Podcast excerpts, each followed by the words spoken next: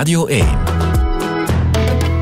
Ontbijt met Michael. Mijn gast vanmorgen is minister van Financiën Vincent van Petegem. Tot vandaag in quarantaine, maar nu buiten op een terras in de Pinte. Mijn gast. Radio 1. Ontbijt met Michael. Goedemorgen, meneer Van Petegem. Ehm, Goedemorgen. ik beschrijf even, we zitten op een dakterras buiten in de koude, want dat is het wel degelijk om een goede reden. U zat tot Ja, ik zat, in eh, quarantaine. Wel, het is zo dat mijn vrouw eh, in isolatie zit eh, sinds begin deze week. En ik dus ook in quarantaine. Nu, we hebben van de week elkaar niet veel gezien.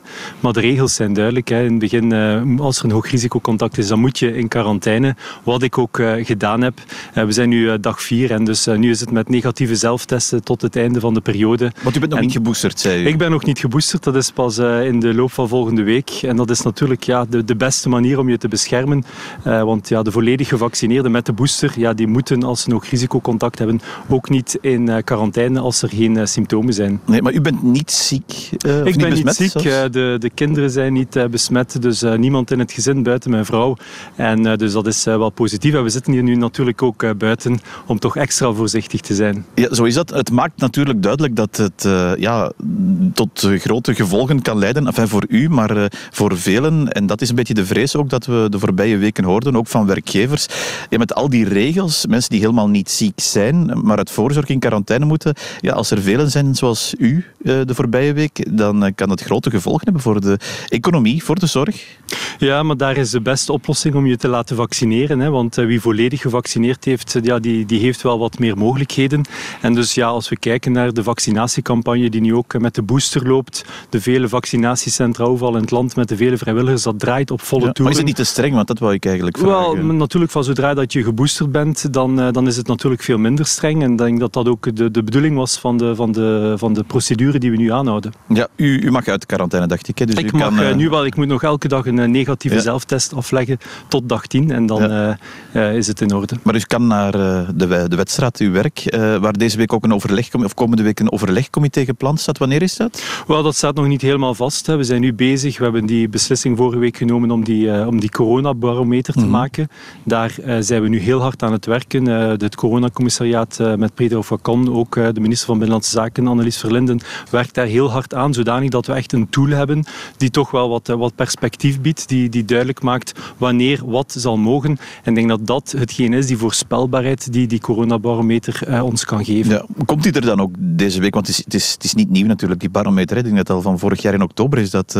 van twee jaar, van anderhalf jaar geleden al dat die meegaat. De coronabarometer is inderdaad al verschillende keer naar boven maar ik voel nu toch wel dat er een, een politiek draagvlak is om daar, om daar vooruit in te gaan. We weten niet wat er nog de komende periode gaat, eh, gaat komen. Dus het is belangrijk dat we die duidelijkheid hebben, dat we die voorspelbaarheid hebben. En die coronabarometer geeft dat. Ja, dat, dat verdoezelt natuurlijk een beetje dat in ons land er ook nog altijd behoorlijk strenge coronamaatregelen zijn. Horeca is eh, er een verplicht sluitingsuur, nachtleven, evenementen kunnen allemaal niet. Is er al zicht op versoepelingen voor die sectoren die daar nu echt al lang op zitten wachten? Wel, dat is natuurlijk ook een onderdeel van de oefening die we aan het maken zijn. We zijn nu in overleg ja, om die coronabarometer uit op te maken. Is het natuurlijk belangrijk dat we voor de verschillende scenario's weten wat de sectoren kunnen doen, op welk moment ze het kunnen doen, welke maatregelen van toepassing zijn.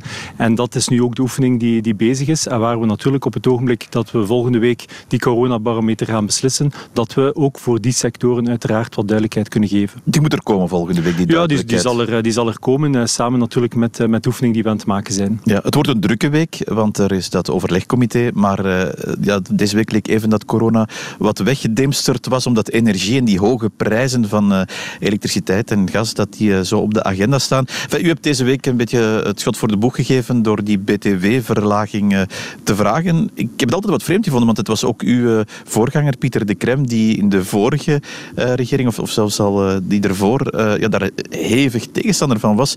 Wat is er plots veranderd dat u of uw partij daar wel iets in ziet? Wel, als je kijkt vandaag naar de situatie van de energiefacturen, dan zie je dat, die echt wel, dat we in uitzonderlijke omstandigheden zitten. Die, die prijzen van elektriciteit zijn maal twee ten opzichte van vorig jaar. De prijzen van gas zijn maal drie ten opzichte van vorig jaar. Zelf toen we in oktober zeiden dat de prijzen historisch hoog stonden, dan zitten we vandaag opnieuw 40 tot 60 procent hoger dan toen.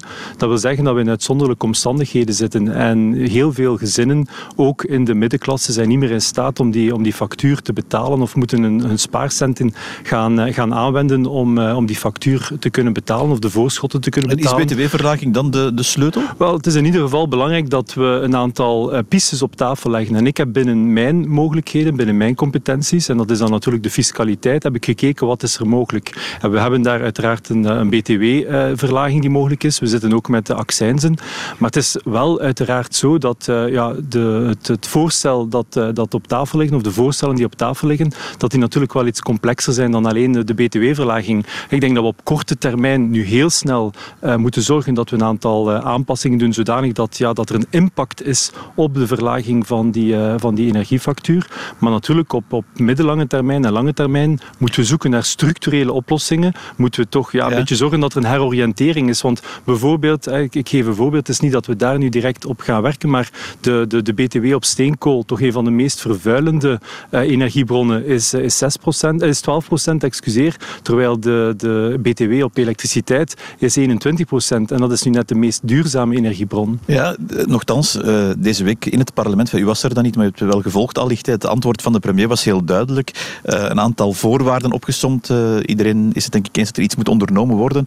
Maar die BTW-verlaging, dat leek daar nu met een heel grote veeg van de tafel gegooid te zijn. Ligt het nog op de tafel wat u betreft? Wel, het ligt, het ligt zeker nog op de tafel. Ik denk dat we vandaag alle pistes op uh, moeten, moeten gaan bekijken. We, zijn ook, uh, we hebben dat gisteren ook besproken in, in de regering. En we hebben gezegd van oké, okay, welke stappen moeten we nu gaan nemen. En het is nu de opdracht gegeven aan mij en aan de minister van Energie om al die mogelijke opties naast elkaar te leggen. En daar volgende week uiteraard een discussie over te hebben. Hoeveel kost dat, die btw-verlaging? Wel, zo'n btw-verlaging kost een 86 miljoen euro per maand. Maar we moeten natuurlijk ook wel eerlijk zijn. Hè. We hebben de afgelopen periode gedurende verschillende maanden ook een, een btw-verlaging gedaan voor de horeca, tijdelijk ook. Dat heeft ons uh, bijna 800 miljoen euro gekost. Ja, ik denk dat we nu in een periode zitten dat we ook voor de mensen die moeilijkheden hebben om een factuur te betalen, dat we daar ook een inspanning voor moeten doen. En dus zegt u die btw-verlaging die, die ligt nog altijd op de tafel. Voor hoe lang is dat dan en van wanneer gaat dat dan in? Wel, dat zijn natuurlijk de, de afspraken die we moeten maken. Opnieuw, het is belangrijk dat we op korte termijn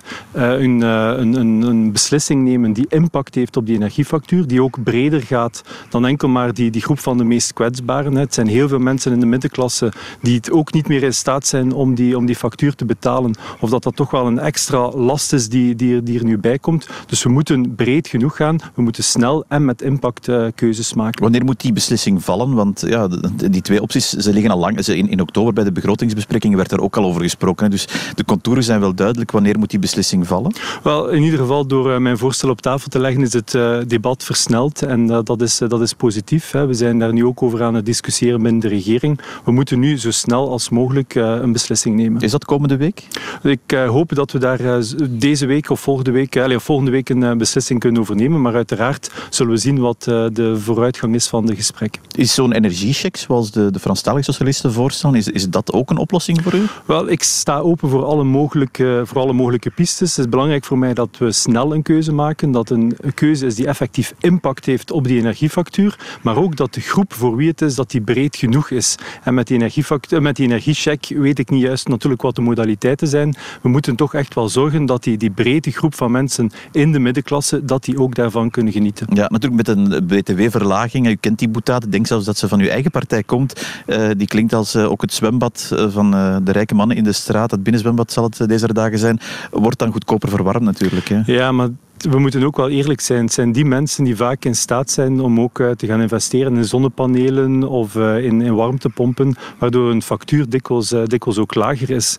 er zijn heel veel mensen die in, die in woningen wonen die totaal niet geïsoleerd zijn. En het zijn net diegenen die zeer hoge energiefacturen hebben. We moeten uiteraard ook iets aan die, aan die isolatie doen, ja. maar het maakt wel duidelijk dat de problematiek veel breder is en dat we met één argument niet de hele grote groep van mensen die het echt nodig hebben, dat we dat buiten spel kunnen zetten. En dus zegt u eigenlijk nog eens, een btw-verlaging is eigenlijk de beste optie op dit moment? Well, de btw-verlaging is een heel snelle uh, beslissing die we kunnen nemen, die impact heeft op die energiefactuur. Maar opnieuw, ik sta open voor alle opties en uh, we zullen dat de komende periode ook bespreken binnen de regering. Ja, deze discussie, meneer Van Petegem, doet me een beetje denken aan alle andere discussies binnen de regering. Er zijn er velen en ook nog velen die moeten komen.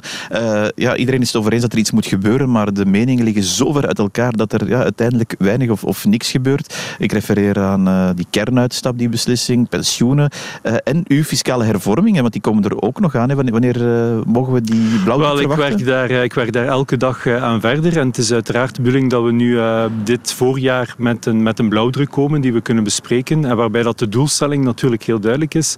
we weten dat, dat ja, een grote groep werkende mensen dat die heel zwaar belast worden. Vandaag zijn er mensen die, die soms twee jobs aannemen, die er dan ook niet in slagen om die onverwachte uitgaven om die te gaan betalen.